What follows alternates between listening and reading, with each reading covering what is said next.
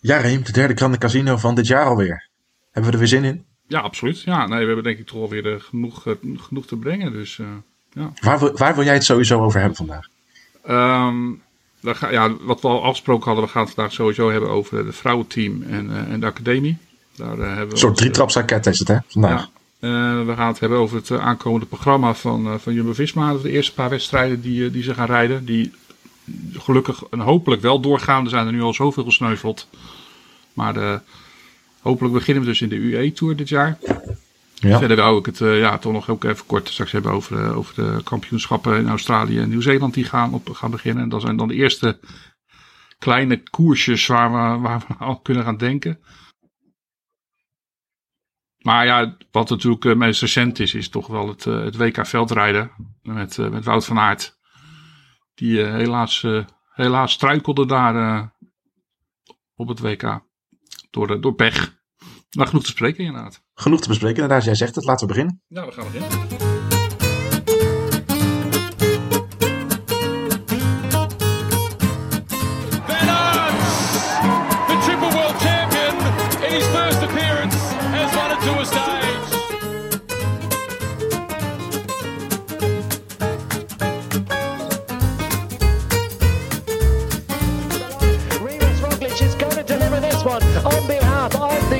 Jumbo-Visma squad. All too easy at the end. What a show of strength.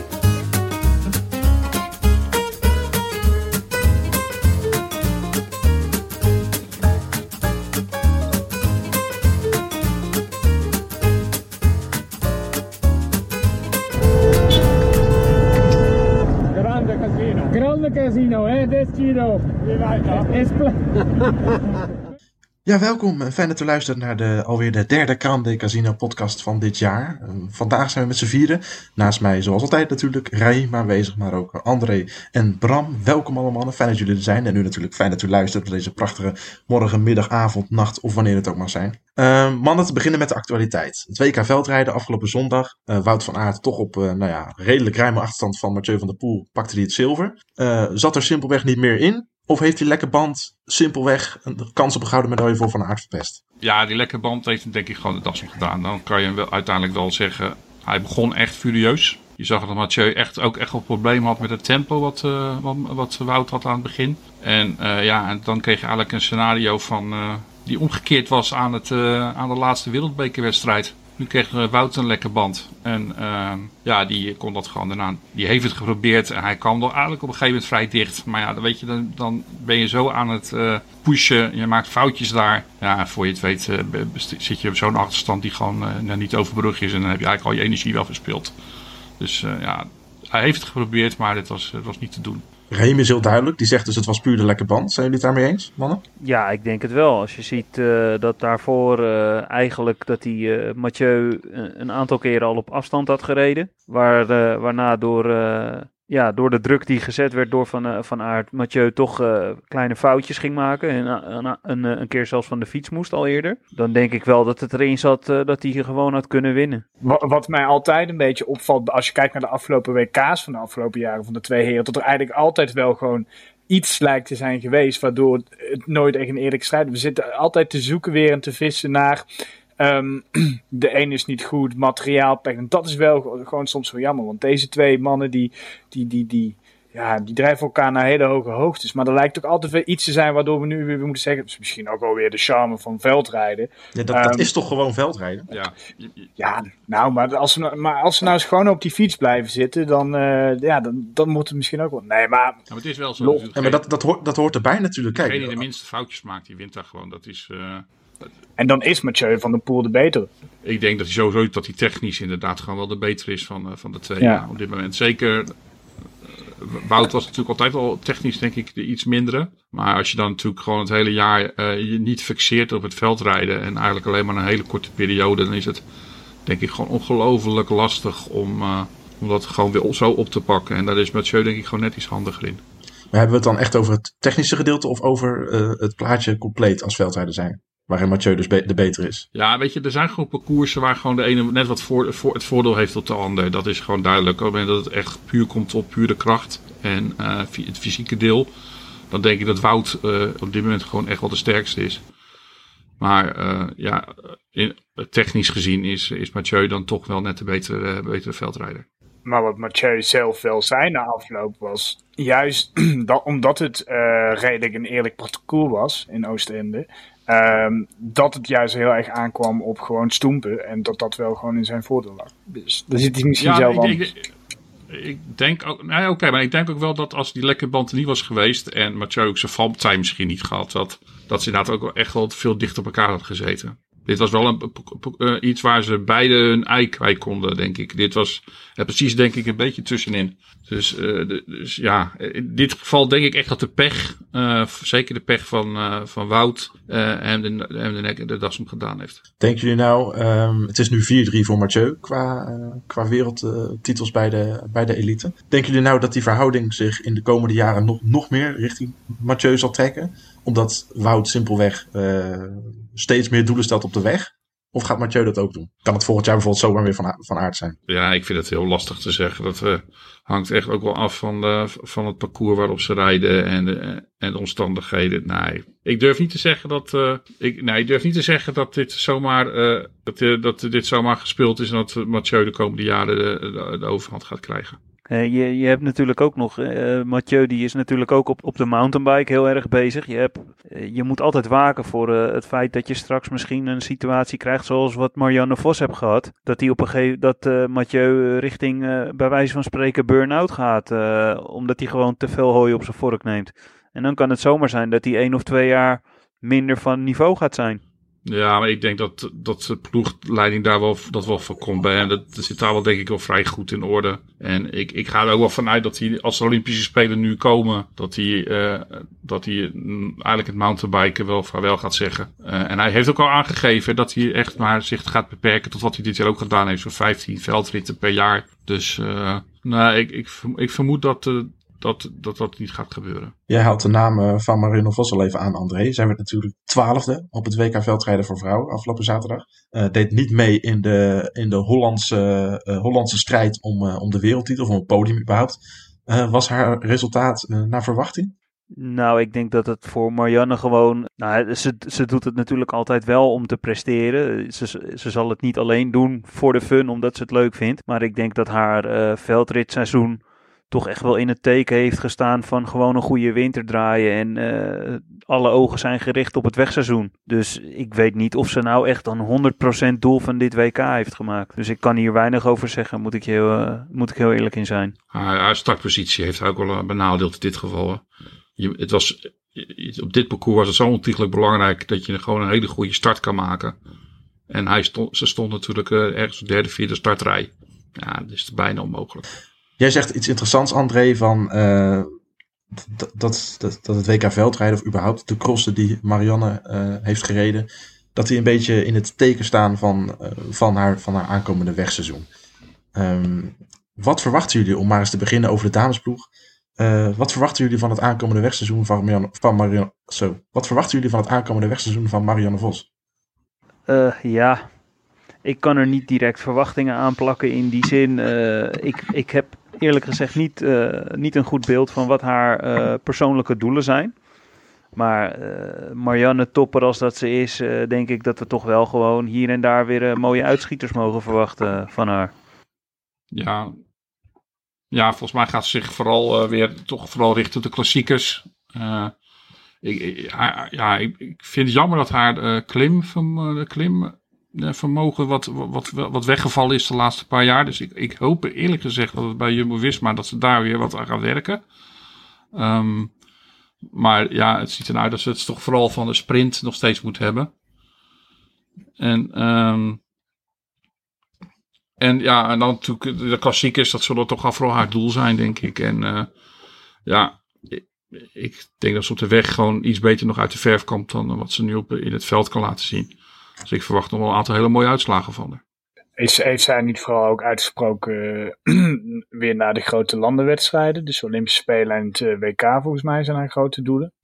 Uh, en dat is natuurlijk ja, voor Jumbo-Visma wat minder interessant. Maar uh, in die zin kun je wel verwachten dat zij haar vormpiek later in het jaar zou willen hebben. Maar nog steeds, ik denk zelfs een Marianne Vos op 80% maakt overal wel eh, gewoon, kans. Dat, dat zie je ook vorig jaar weer in, eh, in de Giro natuurlijk. Dus eh, ja. Ja, ik, ik, ik, ik was benieuwd naar wat Raheem zegt over dat, over klimvermogen. Van waar de ploeg dan misschien wat meer aandacht aan zou moeten besteden. Kan dat wel? Moet je dat, moet je dat wel willen? Moet je, gewoon, moet je niet gewoon accepteren dat Marianne haar sterkste punten nu zijn wat het is? En dat ze op deze leeftijd daar gewoon voor gaat? Dat denk ik wel. Toch? Als je kijkt naar een Anna van der Breggen en een uh, Annemiek van Vleuten, ga je die sowieso klimmen. Dat, zo goed heeft Marianne nooit geklommen als die twee hebben gedaan. Um, en het, zij, zij Marianne heeft natuurlijk gewoon, gewoon, gewoon, echt die fenomenale sprint. En eigenlijk een beetje, een beetje de, de vrouwelijke Greg van Avermaat. Dat zou ik altijd wel een beetje zeggen. Ja, dus, ah, verdiep. Ja. Ik denk sowieso ook als je kijkt een beetje naar de samenstelling van de, van de, dames, uh, van de damesploeg. Denk ik uh, sowieso dat uh, de focus een beetje op het voorjaar ligt. Ik, er zitten volgens mij niet echt top klimsters tussen in de selectie. Nee, niet, niet, niet van het niveau van Van der Breggen of, of van Fluiten, nee. Daar zijn er ook niet veel van. niveau hebben ze. Nee, nee. nee klopt. Dus, uh, van dat niveau zijn er maar weinig. Ja. Nee, ze zullen het inderdaad wel wat hebben, meer hebben van de klassiekere wedstrijden. Maar ze hebben wel een aantal dames die gewoon uh, goed uit de voeten zouden kunnen. Ook tussen de, in de heuvelwedstrijden, denk ik. Zullen we de selectie eens even... Zullen we de selecties nou, even opnoemen tussendoor, dat we weten waar we het over hebben, op alfabetische volgorde? Teuntje Beekhuis, Anna Henderson, Romy Casper, Anouska Koster, Rianne Marcus, Pernille Mathiesen, Aafke Soet, Carlijn Swinkels, Julie van der Velde, Jip van der Bos, Nancy van den Burg en Marianne Vos. Is dat een ploeg die puur en alleen om Marianne Vos heen gebouwd is? Uh, ja, als je, als je denk ik heel snel gaat kijken, uh, denk ik dat de meesten zullen denken van ja, Marianne Vos is de absolute kopvrouw en uh, de rest die, doet, die, die zal allemaal in haar dienst moeten gaan rijden. Maar als je er een beetje klein beetje dieper in duikt, zitten daar toch echt gewoon ten eerste een paar hele talentvolle dames bij. Die, uh, waarvan ik verwacht dat ze in de komende jaren ook echt uh, wel meer kunnen winnen. Um, ik ben wel heel benieuwd naar um, de, onder andere van Afke Soet. Uh, die een aantal jaar geleden toch best wel leuke prestaties neerlegde. het laatste anderhalf jaar het echt gewoon heel erg moeilijk heeft gehad. kan, je eens doelen, kan je eens uitleggen welke prestaties je bedoelt? dan moet ik even dat, niet uit mijn hoofd. jammer, die, jammer. die heb ik okay. toevallig wel. Kijk, heeft tenminste iemand nog parate kennis. In het oog springende resultaten. Ja, een aantal van de in het oog springende resultaten van Afke Soet in, zijn inderdaad uh, in 2018, twee jaar terug, is uh, Europees kampioene in de onder 23 categorie op de Europese Spelen geworden. Of de Europese uh, kampioenschappen wegwielrennen. Oké. Okay. Ze heeft een rit gewonnen in uh, Healthy Aging. Op de tijdrit trouwens, hè? Uh. Ja. ja. Oh ja, excuus, op de tijdrit. Maar, maar die andere werd ze tweede, ja. en uh, ze werd uh, onder andere bijvoorbeeld ook twaalfde in het algemeen klassement van ik ga me nu mijn nek breken over de naam. De Ema Cumin. Uh, ja, ik weet, durf hem niet helemaal uit te spreken, laat ik het zo zeggen. Het Ema Cumin Bira. Wedstrijd in het mooie Baskenland. Ja, die dus. Een prachtige wedstrijd in het altijd mooie Baskenland. En uh, daar werd ze dus twaalfde in het, uh, in het klassement en eerste in het, in het jongere klassement. En in die, wedstrijden werden, in die wedstrijd werden Anna van der Breggen en, en Annemiek van Vleuten gewoon nummer 2 en 3. Of nummer 1 en 2 zelfs, volgens mij. Dus het, het, lag niet aan het deelnemers, deelnemersveld, zeg maar. Nee, nou ja, als je daar uh, in, de, in, die, in de, zeg maar, het jongere klassement kunt winnen in zo'n wedstrijd, waar het volgens mij toch echt behoorlijk geklommen wordt in Baskeland, ja, dan denk ik dat de motor erin, erin wel goed zit, zeg maar. Dus uh, en ja, weet je, die heeft ook zelf, die heeft heel bewust zelf gesolliciteerd bij de ploeg. Dat vind ik eigenlijk wel een heel leuk verhaal. Die, uh, ja, die is dus niet gevraagd, maar die heeft gewoon zelf een, soort sollicitatiebrief geschreven. En op, daar, op basis daarvan heeft ze een, een plekje gekregen in de ploeg. Vind ik op zich wel weer leuk. Dus toch eens een keer op een andere manier. Uh, je ja, ziet het veel op een goede manier de stoute schoenen aantrekken, inderdaad. Ja, vind ik wel. En um,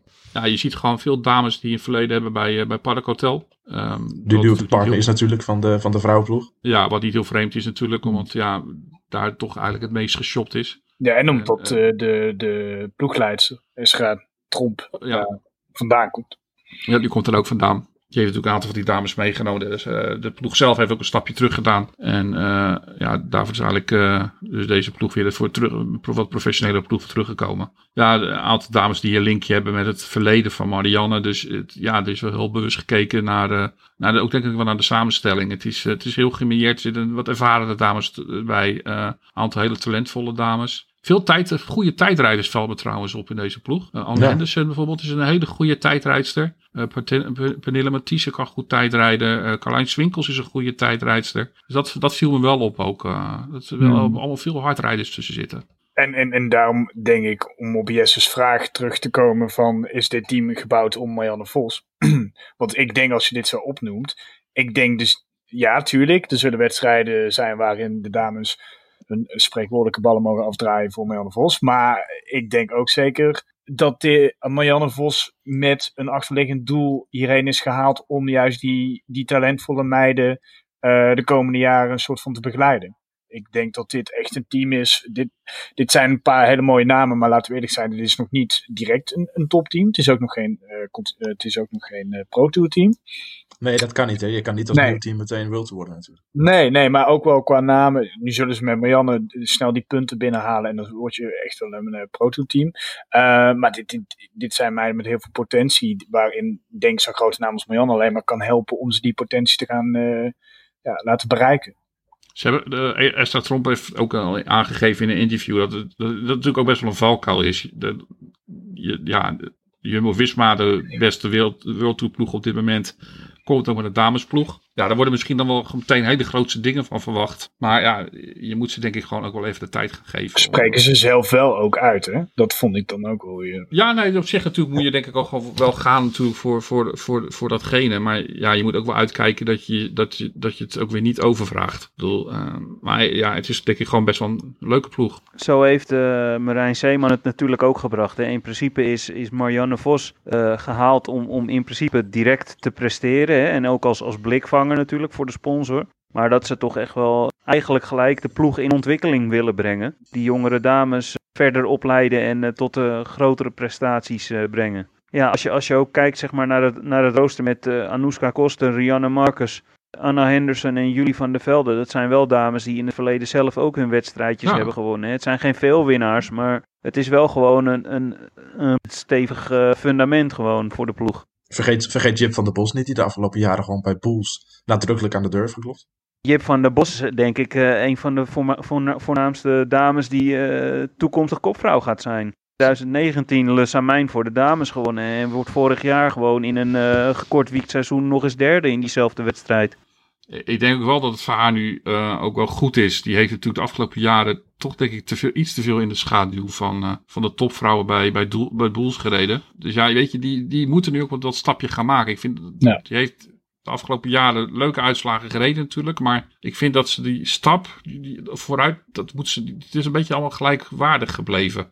En nu toch 24 gewoon- inmiddels. ja, ze zou nu gewoon bij deze ploeg, eh, waar ze waarschijnlijk gewoon iets meer kans gaat krijgen om voor zichzelf ook te kunnen rijden. Ja, ik verwacht daar toch dan wel iets meer van. Ja, denk je dat dat de reden is geweest dat het een beetje, ehm, met alle respect misschien een beetje vlak is gebleven door die enorme moordende concurrentie binnen je eigen ploeg? Dat kan Ja, natuurlijk ook een het- voordeel zijn dat je leert van, de, van, de, van een Anne van der Berg en Chantal Blaak, grote kampioenen. Ja, nee, absoluut. Maar het risico is dus ook inderdaad dat je dan toch te veel blijft hangen. Omdat je gewoon elke keer dus inderdaad vooral eh, ja, de de koersen gericht zijn op die dames. En dat het voor een meisje als, eh, als Jip ja, gewoon heel lastig is om daar op een gegeven moment dan eh, bovenuit te kunnen stijgen. Dus ja, ik denk dat, dat deze stap voor haar heel goed is. Als je kijkt inderdaad naar wie, eh, wie er bij haar in de ploeg reden, dan eh, kun je zo'n beetje inschatten dat ze 60 tot 70 procent van de wedstrijden heeft moeten knechten voor die andere dames. Voor een Chantal Blaak en een Anna, Anna van der Breggen. Dit Gewoon- een mooie kans voor haar. En wat ook gewoon goed is, denk ik, dat de ploeg eh, echt ook gewoon een goede begeleidingsploeg voor ze heeft neergezet. Eh, twee ervaren oudrensters. eh eentje heeft nog met Marianne zelfs gereden. Daarna hebben ze nog een goede trainercoach, denk ik, in Mara Posma aangetrokken. Dus ja, al, alles, ze hebben wel al gewoon alle voorwaarden. En ja, weet je, ze kunnen gebruik maken van alle kennis die er is binnen de ploeg. Eh, dus ik denk ook op het gebied van voedsel, bijvoorbeeld, zullen ze echt de meeste gewoon echt een stap vooruit gaan zetten. Ja, maar eh, op het gebied van voedsel eh, gaat Nancy van den Burg dan eh, na, na die eh, wedstrijden van hun zelf ook nog in de keuken staan? Of, eh, Nou, dat is goed. Ik heb begrepen dat Nancy echt zich volledig gericht heeft op, eh, op, op, op het koersen voorlopig. ja. Dus eh, ja, het is wel Oké. grappig om haar terug te zien in deze rol inderdaad. Waar, waar ik zelf persoonlijk op hoop, met, met het oog op inderdaad wat al gezegd wordt, dat er echt een aantal hele goede tijdrijdsters eh, bij de ploeg zijn, hoop ik echt dat er op die tijdrit eh, een, grote focus gelegd wordt. Met eh, die, Ja. nieuwe, die nieuwe Cervelo tijdritfiets. En dan hopelijk uh, de, de, ondersteuning vanuit de ploeg, die er toch wel de nodige kennis hebben vergaard op het gebied van, uh, van de tijdrit. Ik denk dat, uh, dat rensters zoals Carlijn Swinkels, die in het verleden toch wereldkampioen op de tijdrit is geworden bij de junioren, dat je daar echt grote resultaten mee kunt halen op de tijdrit straks. Nou, ik denk ook dat bijvoorbeeld een Anne Henderson daarom ook de overstap gemaakt heeft deze, naar deze ploeg toe. Dus, Het past eigenlijk precies in de, in de hele filosofie van Jumbo-Visma natuurlijk. Die ontwikkeling, die focus op tijdrit. Oh ja, ik, ja. ik, ik dacht dat je bedoelde uh, skispringers uh, omscholen naar uh, wielrenners. Want die, die, die, die kon waarschijnlijk nog... Anna Henderson heeft vroeger geskiet. Ja, zo zie je wel. dat ben je niet. ja, ja. Er was, heb... er was, volgens mij, ik kan ernaast zitten, maar volgens mij is er nog iemand, toch? Ja, Van dat, de mannenploeg die ooit... Ja, uh... bij, de, bij de Academy uh, komen, komen we zo nog op terug. Ja, er zit er, zit er ook eentje inderdaad. Echt waar? ja, ja. Dat zie je niet. Ja, maar ja, dat, is, dat is een, uh, een cross-country skier, hè? Lang... Ja, ja, goed, iets met latten. Maar iets met latten. Iets met latten. is het om even mannen serieus bij de, bij de dames te blijven? Is het nou een... Uh, het zijn natuurlijk twaalf rensters. Het, zeker als je het vergelijkt met een mannenploeg, een hele kleine ploeg. Maar goed, het zijn natuurlijk ook minder wedstrijden. Is het een perfect gebalanceerde ploeg qua ervaring, leeftijd uh, en vooral capaciteiten, winstcapaciteiten, knechtcapaciteiten? Ja, ik vind het wel. Ja, er zit uh, heel veel jong talent, maar ook een aantal dames die al een aantal jaar koersen. En dan natuurlijk vooral met Marianne en uh, Romy Kasper, twee hele, hele ervaren dames.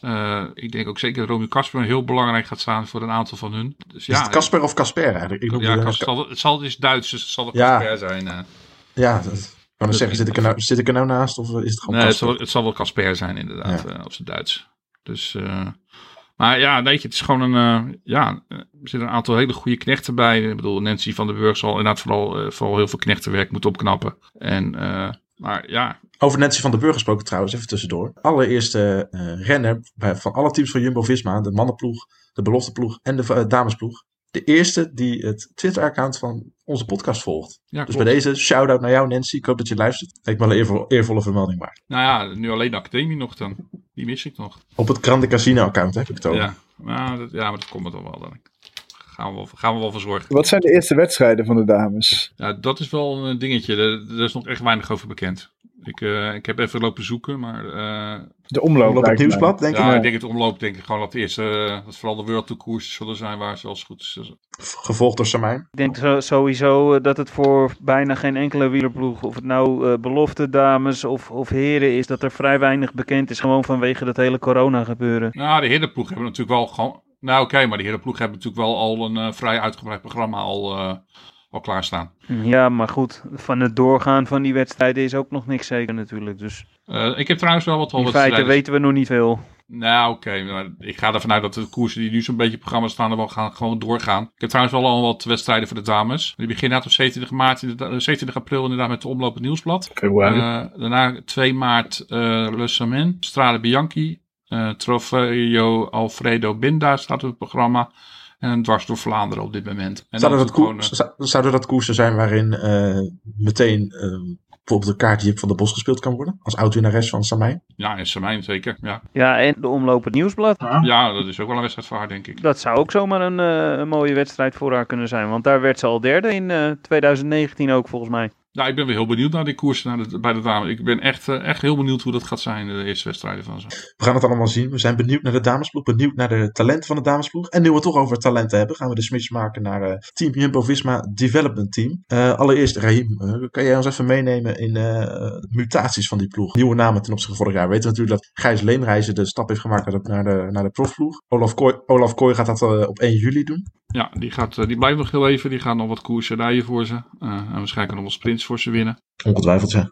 We hebben een aantal nieuwe. We hebben een, een nieuwe Noor erbij. Uh, ik, de naam, dat, dat gaat dan weer worden. Johannes Staune Mietet. Dat, dat vind ik heel keurig, Rijn. Ja? Hoe je dat, ja, okay. dat vond ik, ik had het zelf niet beter gedaan. Dus uh, 19-jarige talent. Uh, vooral vooral ja, tijdrit denk ik dat dat zijn grootste capaciteit is. Waar die, verder ken ik hem echt nog niet zo heel goed. We werden tweede, toch? Al? In uh, het Noors kampioenschap? Ja, ja het, is een, het is wel een jongen die op de tijdrit goed uit de voeten kan hoor. Ja. Dus het is wel een hele snelle jongen. Een goede, grote motor. um, ja, nog eentje waar ik ook weinig van gevonden heb. Darren van Beckham. Uh, 18 jaar, echt nog ook wel heel jong. En uh, Lou van Bella. En dat is wel een behoorlijk talentvolle jongen ook. En dat zijn volgens mij de drie, eh, drie grootste aanwinsten die ze, ja, de drie enige aanwinsten die ze hebben gehaald. Zeker. Maar, eh, ja, dat zijn niet de minste, moet ik eerlijk zeggen. Zeker, eh, Johannes Taune Mittet werd al eerst in het eh juniorenkampioenschap tijdrijden in Noorwegen 2019. Dus hij heeft hem zelfs ja. al gewonnen. Nou, het is, het is echt, gewoon, echt een jongen met een behoorlijke motor. Er was ook eh, best wel, eh, er waren wel meer ploegen die hem heel graag wilden. Dus eh, Ja, dat geloof ik. Ja, nou, kind hij is niet oud. Hij is nog steeds, hè. Hij combineert beide sporten.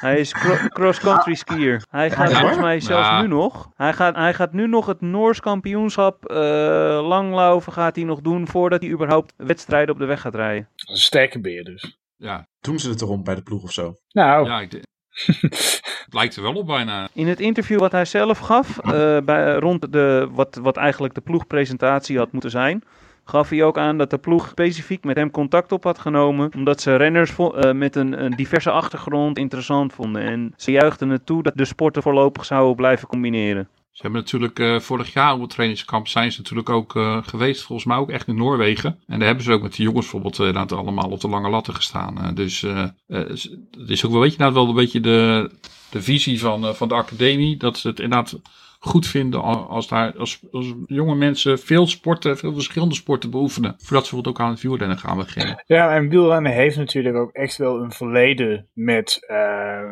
met mannen die succesvol zijn geweest, die in, in de winter andere dingen hebben gedaan. Ik wilde zeggen, Ja, veel schaatsers ook. veel schaatsers, maar hè, Remco Evenepoel, voetballer. eh volgens mij heeft, eh, kreeg vanavond maar ook nog iets geks gedaan. Ehm, en, en Roglic natuurlijk als het uithangbord. Eh, dus Wat, dit is heeft helemaal niet vreemd. heeft Roglic iets anders gedaan? Dan, voor het fietsen? Ja, die heeft een eh, tijdje gemountainbiked. Oh, oké.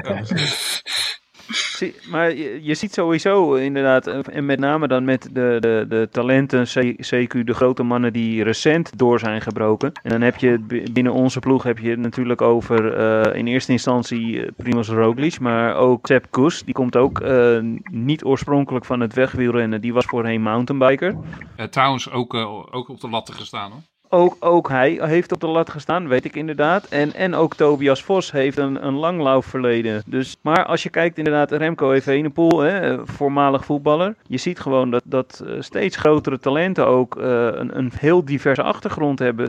In plaats van alleen maar altijd wegwielrennen te hebben gedaan. En in dat opzicht is Darren van Beckham een interessant om te volgen. Want ook Darren is een eh, ex-voetballer. Slechts twee jaar nog pas op, de, op de wegfiets. En volgens het, eh, het nieuwsbericht op Wielerflits heeft hij zijn, eh, zijn clubrecords verbroken op, eh, bij eh, trainingsstages van de ploeg of van de club. En dat, Ja, dat is de wielervereniging Eemland. Waar ook Wilco Kelderman eh, in het verleden of nog steeds misschien wel lid van is. En ook Lars van der Haar. Dus dat zijn in ieder geval records die eh Darren van Beckham gebroken heeft al. Nou, die schijnen eigenlijk wel aardig wat uh, wattages weggetrapt te hebben inderdaad. Ja, dus dat is een mooie om in de gaten te houden in, de, in die ontwikkeling. Nou, ik schrijf hem op. Zeker. Als we het hebben over uh, jongens uh, om in de gaten te houden, mannen. Uh, welke, welke naam van, van, van de 15 uit de belofteploeg, uh, naast de namen waar we al wat bekender mee zijn en de nieuwe aanwinsten, op wie gaan jullie dan specifiek letten aankomend jaar? Ja, voor, mij toch wel Finn Fisher Black. Ik, de jongen toen die kwam, dacht ik vooral dat het een jongen was met een hele grote motor. Ik zag hem eigenlijk als opvolger, bijvoorbeeld van Jos van Emden of Tony Martin, vooral een tijdrijder. Maar wat hij nu al heeft laten zien, dat deze jongen gewoon ook bergop gewoon ongelooflijk sterk is. Dus ik, ik, verwacht, ja, ik ben eigenlijk heel benieuwd. Hij heeft ook nu al wat een koers gereden in, in, in, in Nieuw-Zeeland. Ja. Waar die gewoon echt met de allerbeste mee kan. Dus ja, dit is echt wel een, een jongen met een enorme grote motor. En die ik eigenlijk als snel volgend jaar ook... Ja, voor mij had hij eigenlijk bovenin op het lijstje om volgend jaar de overstap te maken. Want dit, ja, dit is wel echt een heel groot talent ook. Ja, ik zie, ik zie Fisher Black wel zeg maar een beetje als een type Rohan Dennis inderdaad. Van, van nature misschien tijdrijder, of voornamelijk tijdrijder, maar hij kan inderdaad bergop ook gewoon uh, zijn vermogen ik, goed kwijt. Ik denk, ik denk zelfs dat hij nog iets beter bergop is als, uh, uiteindelijk als Rohan Dennis. Zo, dat zijn de woorden, Reem. Ja, nee, dit is, deze, jongen, deze jongen die heeft het ook gewoon uitgesproken dat hij gewoon ook echt wel klassementen wil gaan rijden in de toekomst. Dit is denk ik meer... jij, jij, hebt de afgelopen Giro gezien uh, wat, wat Rohan Dennis daar deed? Ja, oké, maar Moeten we dat was- daar aan herinnerd worden? Nou ja, dat, ja, ik vind het prima. Ik wil er best aan herinnerd worden. Eh, ja, nee, dat klopt. Wil- maar... Wilco Kelderman had geen eh, jumbo-truitje aan, dus dat vindt geen niet. hè. Nee, dat Nee, klopt. niet. Nee, maar weet je, dit was, dit was, dit was, ja, dit was, hij is tegen daar denk ik gewoon enorm boos zichzelf uit. Ik denk niet, dit is niet, ja, dit is natuurlijk niet, dit, is niet, heeft hij niet al jaren achter elkaar gedaan. Maar hij, hij heeft me inderdaad wel verbaasd, dat klopt. Ja, Ik- maar eh, hij heeft in het verleden natuurlijk ook wel Giro's gestart als, als eh, beoogd klassementskopman, hè? Rowan Dennis. Dus die is maar niet uit de maar hij heeft komen vallen. Nee, oké, maar hij heeft ook gewoon aangegeven dat, het, dat hij dat niet als een doel gaat maken. En Finn Fisher Black heeft hij met wel uitgesproken dat hij echt van klasse, echt klassementsrenner wil worden. Dus, eh, maar ja, in ieder geval, eh, ja, een jongen waar ik zeker op ga letten dit jaar. Val één, eh, één naam om, om te onderstrepen voor ons. En daarna denk ik, Mick van Dijken denk ik ook wel dat hij een stap gaat zetten. Heeft toch ook al goede dingen laten zien. Ook in het veld al eh, best wel mee op eh, tussen het plek 20 30 te- tussen de profs. En ja, ook een hele grote sterke beer eh, van een knul. Dus eh, Ik ben wel blij overigens dat hij een eh, ander kapsel heeft dan zijn broer Tim tegenwoordig. ja. ja.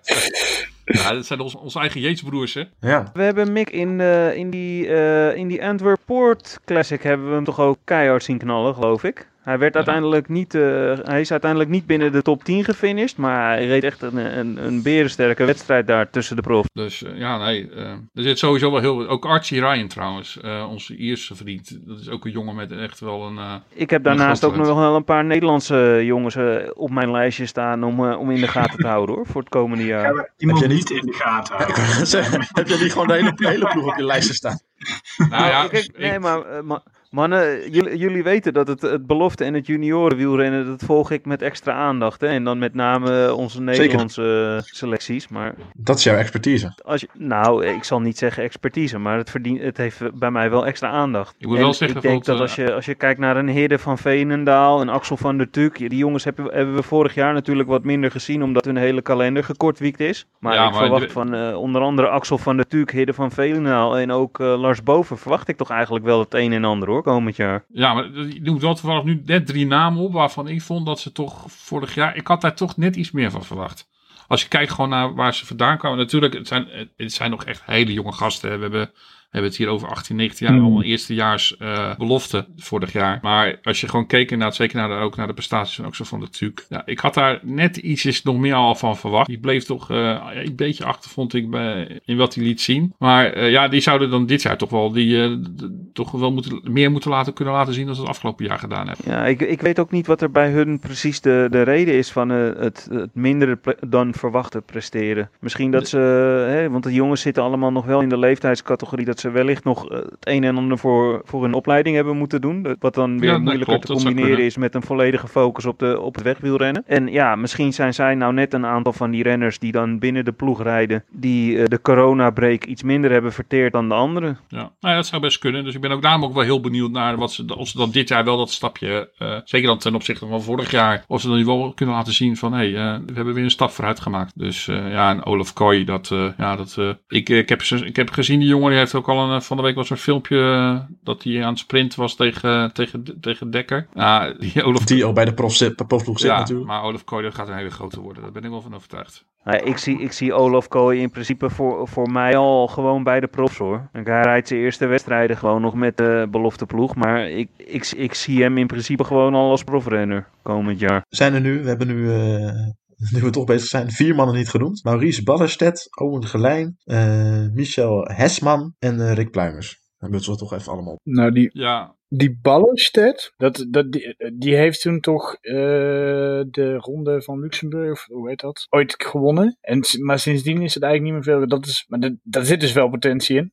Maar ja, ik heb daar eigenlijk al heel lang niks meer van gehoord. Dus misschien dat eh kenner André eh, mij eh, kan verlichten. Als je ook kijkt, Michel Hesman en Maurice Ballerstedt waren zeg maar van, van die lichting allebei net de minder, of net behoorlijk de mindere van alles, talent, alleskunner eh, Marco Brenner. Die zo'n beetje de, de Adrian Costa van, van die generatie is eh, daar in, eh, in Duitsland. Dus ja, eh, we gaan het zien wat die jongens gaan brengen. Maar laat ik het zo zeggen, de Marco Brenner was van de drie het grootste talent. Ja, en over Galijn, daar heb ik eerlijk gezegd, ja, daar heb ik heel weinig van gezien uh, afgelopen jaar. Dus ja, daar kan ik ook echt weinig over zeggen. En eigenlijk geldt datzelfde een beetje voor Rick Pluimers. Uh, die hebben vooral natuurlijk vooral heel veel in de knechtenrol gezeten. Dus ja, maar het is, ja, er zitten gewoon echt heel veel talent in deze ploeg. Dus ik, ben, uh, ik, ik verwacht daar best wel, weer veel van dit jaar. Nou, dat is precies waar een talentploeg voor bedoeld is, toch? Dat er veel talent is. Ja, ja oké. Okay, wel talent dat ze ook echt uh, die stap naar kunnen gaan maken. Ik denk dat dit, dat dit de kop wordt van onze podcast. Geen Vlas van dulle punt. Er zit veel talent in de opleidingsploeg. Gewaagde uitspraak. Ik denk zoals, uh, zoals Raheem zegt. Je, als, als ze nou uh, eind van het jaar bijvoorbeeld bekendmaken dat Fisher Black de overstap maakt naar, naar de profs van Jumbo-Visma. Hopelijk dan ook. En, en misschien nog zelfs een, een tweede renner van die hele groep. Die, die wellicht die zo'nzelfde stap nog ma kan maken. Dan heb je gewoon weer twee talenten die, je over, die de overstap maken naar je profploeg hè, binnen twee jaar tijd. Dat is dan toch echt wel, dat zegt echt wel wat. En ook veel sneller dan we verwacht hadden, denk ik. Want het ze gewoon echt hele jonge jongens aan de, aan de ploeg, naar de ploeg gehaald hadden. Doet, doet de opleidingsploeg nu precies waarvoor die bedoeld was bij de oprichting? Qua doorstroming? Op dit moment wel. Ik, uh, ik denk niet dat wij. Ik denk dat er weinig. Ja, meer zelfs. Ik denk dat maar weinig hadden verwacht. Vorig jaar al, aan het begin van vorig jaar. Dat er aan het einde van het jaar al twee jongens de overstap zouden maken naar de wildtoeploeg. Ja, want volgens mij was uh, zeg maar van de selectie vorig jaar die als eerste werd samengesteld. Was Rick Pluimers uh, met zijn 19 jaar toen de, de, de, oudste. Die is nu 20 geloof ik. Die wordt dit jaar 21. Ja, als dat je oudste renner in de selectie is. Dan, dan, dan weet je dus dat ze eigenlijk alleen maar junioren hebben gehaald naar de, naar de toen ja. nieuw te formeren ploeg. En als je dan al in je eerste jaar uh, zeg maar twee renners bij, of ja, sorry, ik heb Gijs Leemreizen heb ik daarbij overgeslagen. Die is iets ouder nog. Maar hij en Rick Pluimers inderdaad en Gijs Leemreizen waren de twee oudste renners. En als je dan ziet dat ze, dat ze twee renners al afleveren gelijk in dat eerste jaar, eind van het eerste jaar bij de, bij de profs, dan, dan heb je het gewoon heel heel goed gedaan denk ik.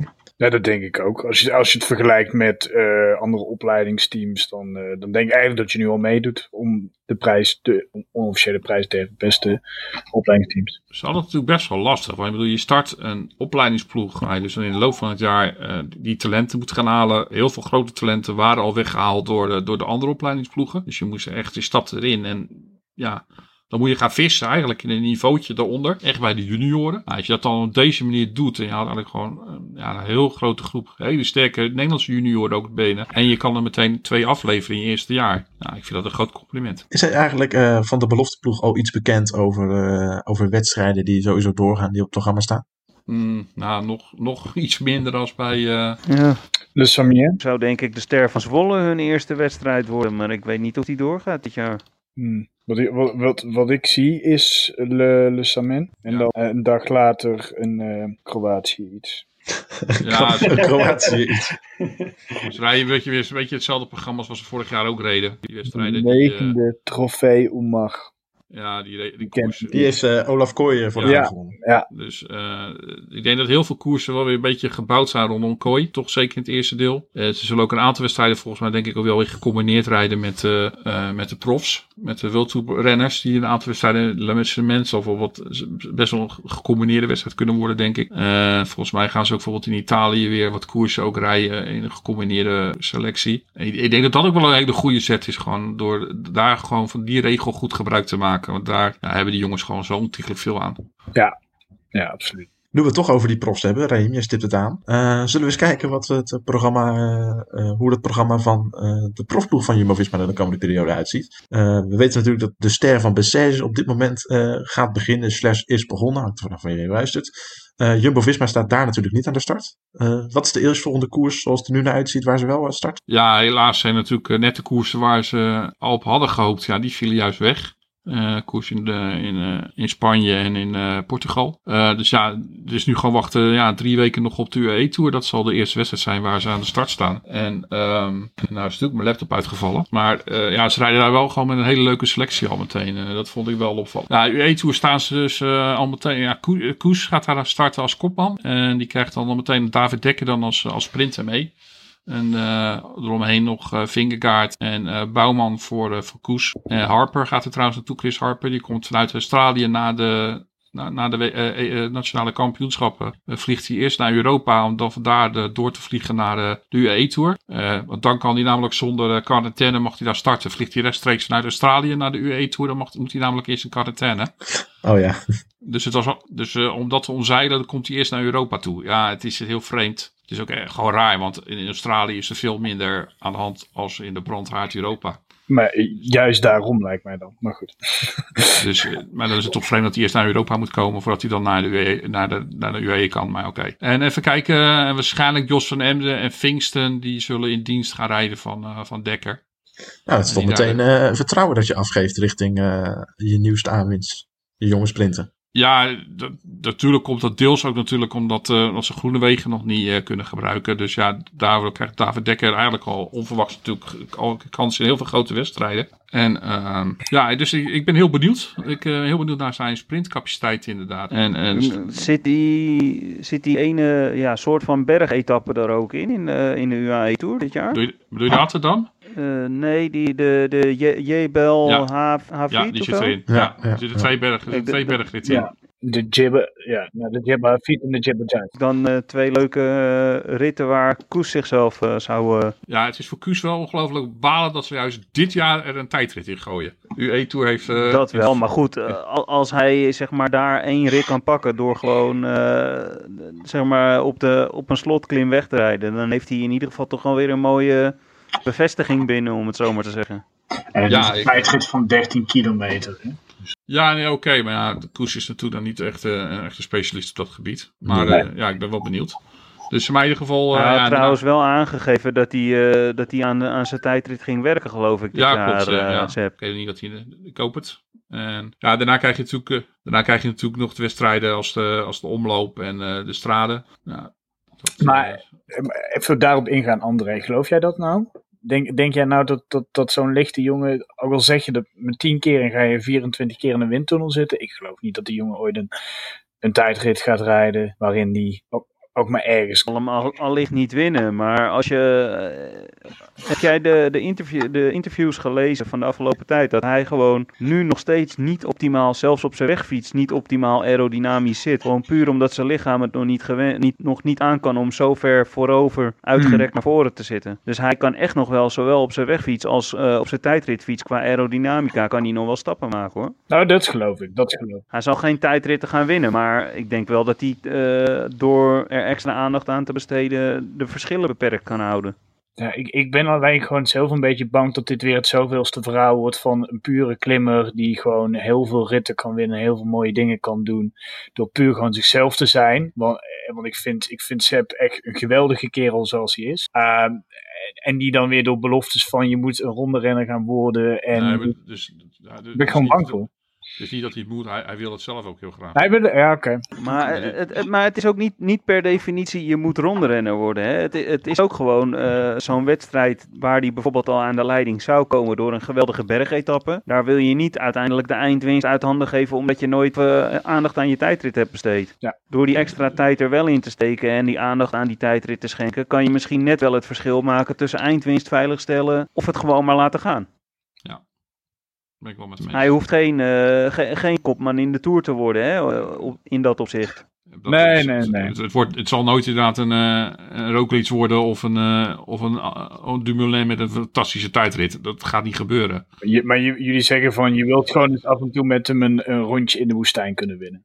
Nou, bijvoorbeeld. Nou, maar een, een Tour of California, zoals bijvoorbeeld Bennett die eh, in het verleden een keer heeft Ja. gewonnen. Ja, als je geen aandacht aan je tijdrit besteedt, eh, dan, eh, dan, dan verlies je hem. En besteed je er wel aandacht aan, dan stel je misschien net je winst veilig. Ja, net zo de Terreno, waar zo'n zo'n tijdritje van 10 kilometer in zit. Ja, dat zijn dan van die koersen waar die... Dus met een wat betere tijdrit zo'n koers zou kunnen winnen. Kijk, hij gaat nooit een grote ronde winnen, denk ik, zonder een goede tijdrit. Dus dat, dat zal lastig worden. Niet een grote ronde waar een tijdrit van 60 kilometer in zit, Nee. Nee. Eigenlijk eh, krijgen we na de, na de, eh, de UAE-tour krijgen gewoon een hele serie wedstrijden waarin eh, bijna elke keer Wout van Aert de kopman is, toch? Ja, de, nou ja, omloop slaat hij dan wel over nog. Dus Oh ja, daar die wel van, eh, van Mike Teunis moeten komen waarschijnlijk. En krijgen ook misschien eh, jongens als, eh, als Van Hooijdonk een keer een kansje. Eh, maar daarna dat in de Strade en eh, de Tirreno en Milan Sanremo. Ja, dat zijn dan de koersen waar, de, waar Wouter gaat beginnen om, eh, om te kijken hoe ver hij kan komen. Ook in Tirreno trouwens gaat hij proberen van een klassement. Ja. En dat vind ik wel En leuk. met het wegvallen van eh, Tom Dumoulin is dat natuurlijk uitgerekend de kans om, om als eh, enig klassementskopman eh, te gaan starten. Ja, het is ook echt wel een wedstrijd waar, de, waar, waar, waar het kan. Er zit eigenlijk maar één echte bergetap in, eh, in dit jaar in de Tirreno. Eh, niet de allerlastigste aankomst, denk ik. Dus het is een, het is een vrij geleidelijke klim, slotklim. En eh, ja, er zit verder een tijdrit in. En drie aankomsten die gewoon helemaal onzijnmatig zijn. Van die gemene, listig omlopende, oplopende aankomsten. Zou het nog enigszins verrassend zijn als die gewoon die Tirreno straks wint? Nee, het zou mij niet verrassen, nee. nee, Kan, kan die ons überhaupt nog wel verrassen, Wout? ja, denk het wel. Als? Wout start, maar hou je met alles rekening. Ja. Wanneer start de Tirreno? Sorry. Is de, de Eh, tiende, toch? Tweede week van maart, meen ik En- uit mijn hoofd. En 10 Parijs niet. ja. 10 En. Parijs-Nice is op de veert. eh, oh. Oké, want Parijs-Nice Parijs-Nice. doet hij niet. Nee, gaat, Nee, eh nee, daar gaat. Roglic en uh, Kruiswijk naartoe. Sorry, even tussendoor. Nee, Oké, dat Prijs is groot Roglic Kruiswijk en Tirreno was dan eigenlijk eh, Wout van Aert samen met Tom, eh, was de bedoeling. Ja, excuus. Ja, sorry. Nu we het toch over eh, aankomende selecties hebben. Er is van één grote ronde. Door het wegvallen van Tom Dumoulin in de Tour. Tenminste, voorlopig. Weten we natuurlijk niet zeker. Maar voorlopig. eh, is er één eh, grote ronde selectie definitief rond. En dat is die van de Giro. Ehm, Eduardo Affini, George Bennett, Koen Bouwman, David Dekker, Tobias Vos, Chris Harper, Paul Martens en Jos van Emden. Wie is de verrassend, meest verrassende naam van die acht? Nee, ik denk dat toch David Dekker. Ja. ja, dat durf ik niks anders te zeggen. Nee, maar we denken in ieder geval hetzelfde. Dus ja, David Dekker is nou het meest verrassend inderdaad. Er spreekt toch ongetwijfeld ongelooflijk veel vertrouwen van de ploeg richting hem. Dat hij gewoon meteen de eerste Tour wedstrijd aan de start staat. De eerste grote ronde van het jaar aan de start staat. Het is niet dat ze hem voorzichtig brengen, bijvoorbeeld. Nee, nee, hij krijgt gewoon meteen zijn kansen. Dat, ik denk eh, dat, ze, dat ze hem inderdaad gewoon op, de, op die manier zijn kansen gunnen. Maar ik denk ook, David is natuurlijk niet een hele jonge belofte om over te stappen. Hij heeft al wel de leeftijd en, en, eh, waarschijnlijk daarmee ook de kilometers in de benen. Dus het is niet zo dat het een hele grote eh, belasting voor hem zou moeten zijn. Ik denk dat hij eh, met zijn leeftijd wel rijp genoeg zou moeten zijn om, om zo'n grote ronde aan te kunnen. En ik denk dat het voor zijn ontwikkeling alleen maar goed is als hij die Giro uit kan rijden. Met het Ja. oog op het volgend, het volgend eh, jaar. Het is de laatste jaren natuurlijk ook helemaal niet gek gebleken om eh, gewoon jonge jongens die net overkomen in grote rondes eh, te gooien. Sterker nog, dat heeft nog wel eens heel goed uitgepakt de laatste jaren. Ja, eens. George Bennett is natuurlijk de kopman voor het klassement. Krijgt Bouwman, Vos en Harper Vooralsnog, eh, ja, me- vooralsnog meter, wel. onderste- ondersteuning in de, in de bergen. Ja, jij zegt vooralsnog wel, Raim. Want weet je, er is natuurlijk, eh, er moet natuurlijk wel een probleempje nog worden opgelost in, eh, voor de Tour. de achtste plek van Tom. Ja, en ik, ik, Dat kunnen ze toch niet maken? Nee, ik, het- het- ik ben het daarmee eens. Ik, ik ben helemaal van overtuigd dat je. Ik vind dat je het inderdaad niet kan maken om. ehm, om inderdaad te zeggen: Weet je wel, Bennett, eh, je hebt pech gehad. ehm, maar je moet naar de tour nu. Ik, Net als vorig jaar. Ja, dus ik, ik ga er niet van. Ik denk, ik, denk, ik denk dat er andere oplossingen zijn. Maar ik sluit niet uit dat het toch gaat gebeuren uiteindelijk. Het, ligt ook, het zal ook helemaal aan hemzelf liggen, toch? En hoe, hoe, George er zelf in staat. Want als ik één gevoel heb, is, is, is het wel een jongen die, ja, die, die, die, die het wel echt over heeft voor het team. Maar eh, het, gaat, het, gaat, gaat eraan liggen of hij gewoon zegt van nee jongens, ik ga dit doen. Ik denk dat dat dan heel snel duidelijk is. Ze, ze, ze zullen hem denk ik sowieso niet dwingen. Dus als ze het doen, dan gaan ze hem gewoon echt vragen of hij daartoe bereid zou zijn. Maar hij is Ehm. inmiddels natuurlijk ook gewoon 30, 30 jaar. Eh, is het ook niet een beetje een gevalletje. Als hij nog een keer kopman wil zijn in een grote ronde, dan moet het ook wel dit jaar zijn. Ja, ja, in principe komt hij nou in zijn beste jaren. Hè, als je naar wielrentermen kijkt. Maar eh, ja, maar ik, ik denk wel dat het, het zo voor Jumbo-Visma geldt. Ja, precies. Als de, ploeg, als de ploeg hem nog. Want anders gaat hij het gevoel krijgen dat hij nooit meer bij deze ploeg het kopmanschap mag vervullen. Of, of dan ga je dat voor jezelf ook zo denken: van oké, bij- ga ik die kans hier niet krijgen? En hij kan bij zat andere ploegen kopman zijn natuurlijk. Ja. Ja. En ik ben ook wel gewoon heel erg benieuwd, want toen vorig jaar reed hij natuurlijk vlak voor de Tour. Toen, hij echt geweldig toen hij eh, daar Piemonte won.